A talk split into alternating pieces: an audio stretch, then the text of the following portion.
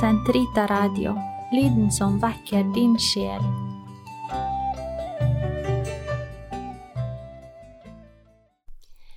Karmels hage episode 22 Åndelig lesning og indre bønn del 3 Vi leser i dag siste og tredje del av artikkelen som broder Martinus skrev i bladet Karmel i 1979, og som er trykket på norsk i Elias Kilde høst 2016 og høst 2017.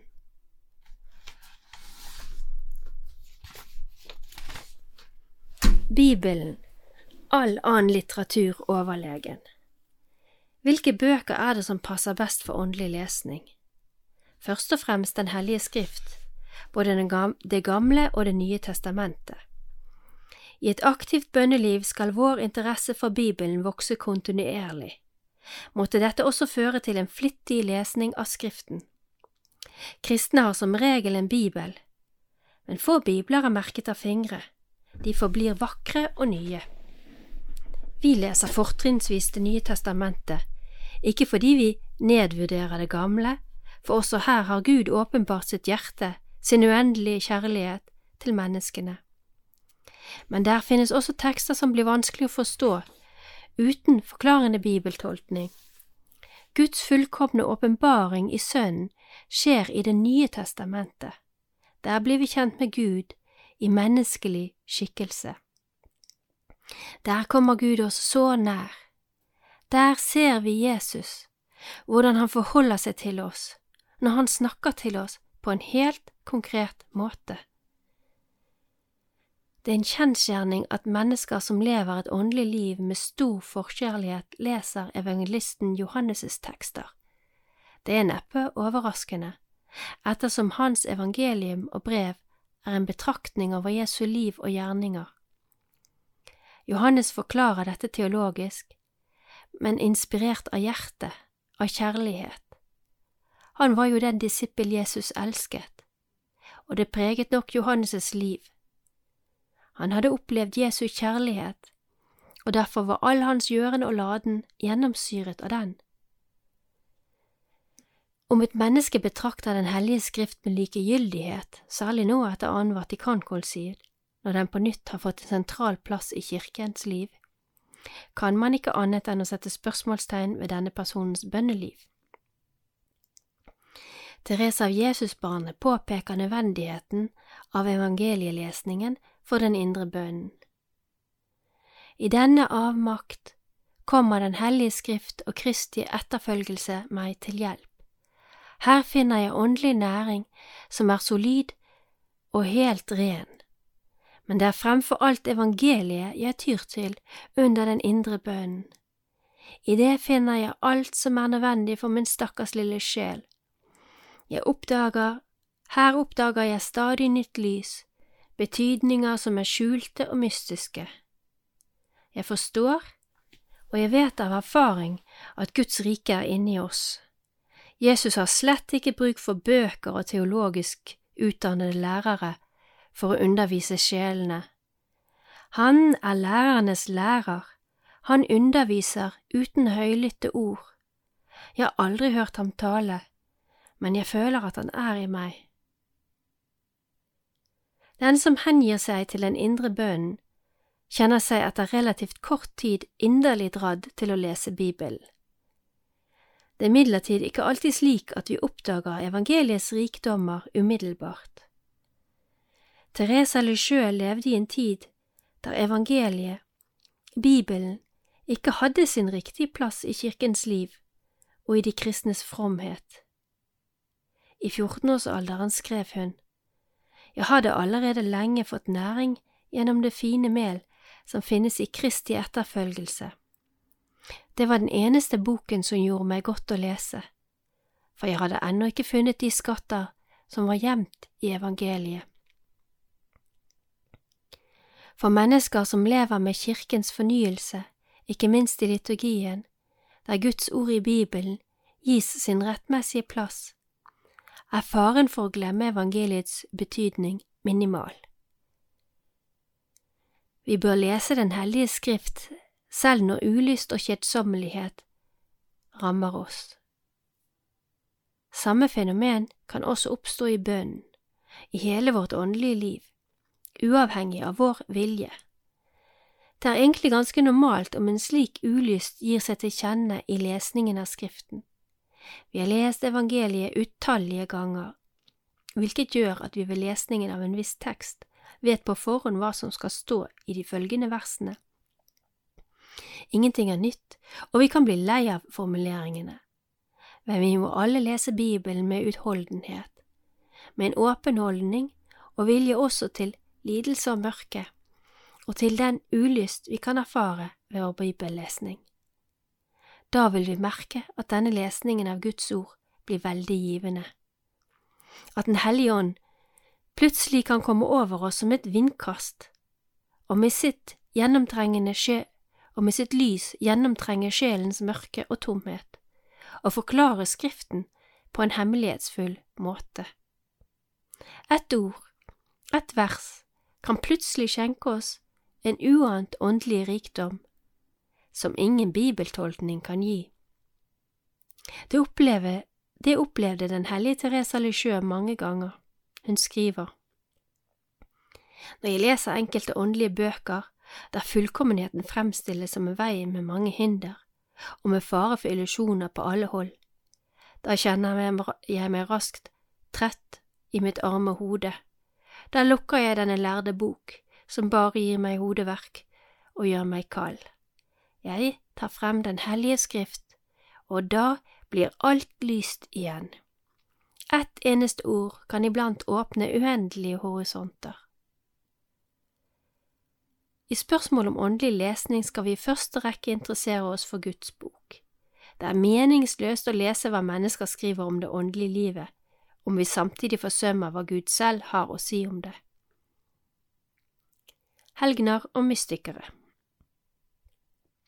Nest etter Bibelen har helgenes og mystikernes skrifter, særlig biografiene, stor verdi for den åndelige lesningen. Det er tankevekkende å lese om hvordan et svakt og syndig menneske oppnår foreningen med Jesus, og hvordan det må utholde alle de fristelser, vanskeligheter og lidelser som denne foreningen bringer med seg. Når man leser om helgenes liv, må man ha klart for seg at forfatterne iblant ubevisst tolker deres liv og gjerninger etter sin egen mening og forgodtbefinnende, langt fra helgenenes hensikter. I middelalderen, og faktisk helt frem til begynnelsen av 1900-tallet, hadde man et stereotypt bilde av en helgen. Vedkommende skulle være alvorlig og kun snakke om åndelige ting, osv. Heldigvis har vår historiske forstand utviklet seg. Det finnes selvsagt alltid en mulighet for å tolke objektive fakta ensidig og feilaktig.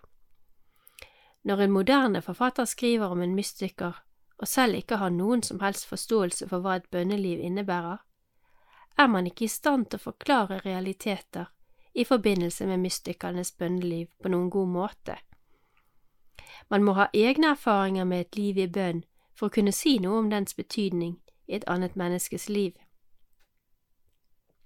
Til en viss grad må man selv være mystiker for å kunne skrive om mystikk og mystikere. Tro ikke uforbeholden på hva en forfatter skriver om en helgen, en mystiker eller det åndelige livet. Det må alltid sammenlignes med evangeliet og kirkens lære for å se om det er i overstemmelse med dette. Når vi leser helgenenes eller mystikernes bøker, ligger det alltid et spørsmål i bakhodet. Har vi, nybegynnere i det åndelige livet, noe nytte av disse skriftene? Er det meningsfullt å lese om de høydepunkt mennesker har oppnådd i sitt bønneliv og i sin forening med Gud. Ja visst, det er stimulerende for oss som nybegynnere i bestigningen av fjellet å kunne se opp mot fjellets topp, der alt er rent, vakkert og urørt.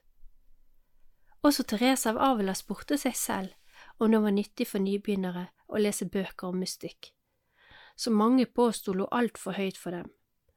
Hun svarte selv i den indre borgen.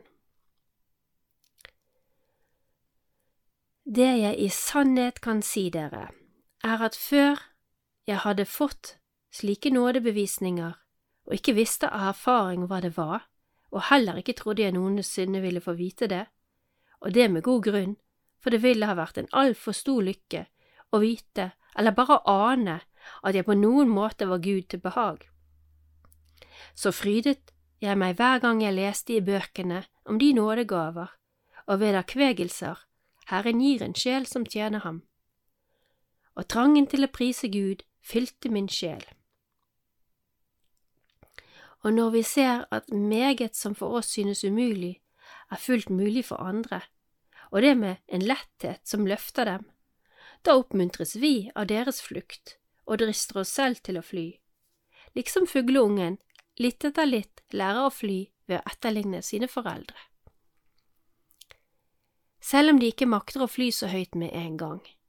Dette er svært nyttig, det vet jeg. Det er veldig viktig å ha store forhåpninger og ønsker i det åndelige livet. Teresa Lecheux skriver at Gud ikke skulle gi oss disse forhåpningene om han ikke ville innfri dem. Selv hadde hun mange ønsker, og hun forklarer i sin selvbiografi at alle hennes ønsker ble oppfylt på en måte hun aldri hadde våget å drømme om.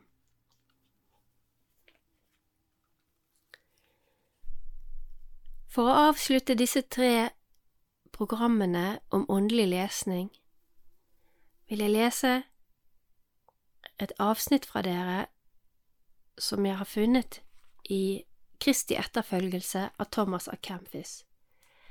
Det er fra den tredje boken og kapittel tre, og det heter Om hvordan Guds ord må lyttes til, med ydmykhet, og hvordan mange unnlater å tenke over dem. Og Kristus taler. Min sønn, lytt til mine ord, som er gode å høre, og som overgår alle filosofers og denne verdens visdom. Mine ord er ånd og liv, og kan ikke bedømmes med blott menneskelig forstand. De skal ikke brukes til det som er fåfengt, men lyttes til i stillhet, og mottas med stor ydmykhet og inderlig lengsel. Disippelen Og jeg sa, Salig er den mann som du tukter, Herre, og den du gir lærdom av din lov, for å gi ham ro i onde dager. Salme 94 Slik at han ikke blir etterlatt alene på jorden. Kristus Jeg, sier Herren, har undervist profetene fra begynnelsen, og heller ikke nå har jeg sluttet å tale til alle. Men mange er døve for min røst og forherdede. Mange hører heller på verden enn på Gud. De foretrekker å følge kjødets lyster fremfor Guds vilje. Verden lover timelige og verdiløse goder, og blir tjent med stor iver. Jeg lover de høyeste og evige goder, og menneskenes hjerter er blitt er og blir sløve. Hvem tjener og adlyder meg så omhyggelig som man tjener verden og dens herrer? Skam deg, Sidon, sier havet, og spør du om årsaken, så hør. For kun et lite vederlag løper man lange veier, men for det evige liv gidder man knapt å løfte en fot fra jorden. Man søker ussel vinning, ofte krangles det skamløst over en eneste mynt. Man kvier seg ikke for å slite dag og natt for en verdiløs gjenstand eller et løfte. Men akk, for å vinne det uforanderlige gode, for den uvurderlige lønn, for den høyeste ære og den endeløse herlighet er man uvillig til å gjøre den minste lille anstrengelse. Skam deg derfor, du late og trette kjære tjener, over at disse mennesker er mer forberedt til fortapelse enn du er til livet. De gleder seg mer over tomheten enn du over sannheten. Og likevel blir de iblant skuffet i sine forhåpninger men mitt løfte svikter ingen, og ingen som setter sin lit til meg, går tomhendt bort. Hva jeg har lovet, vil jeg gi, Hva jeg har sagt, vil jeg oppfylle. Så sant man forblir trofast i min kjærlighet inntil enden. Jeg er den som belønner alle de gode, og den sterke som prøver de gudfryktige. Skriv mine ord i ditt hjerte, og tenk flittig over dem, for de vil være såre nødvendige for deg i fristelsens time. Det du ikke forstår når du leser, skal du erkjenne når du kommer, når jeg kommer på besøkelsens dag. Jeg pleier å besøke mine utvalgte på to måter. Gjennom prøvelser og gjennom trøst. Og to lekser leser jeg for dem hver dag. Den ene hvor jeg klandrer deres laster, den andre hvor jeg oppmuntrer dem til å vokse i dyd. Han som har mitt ord og ringer akter det, han har det som dømmer ham på den ytterste dag.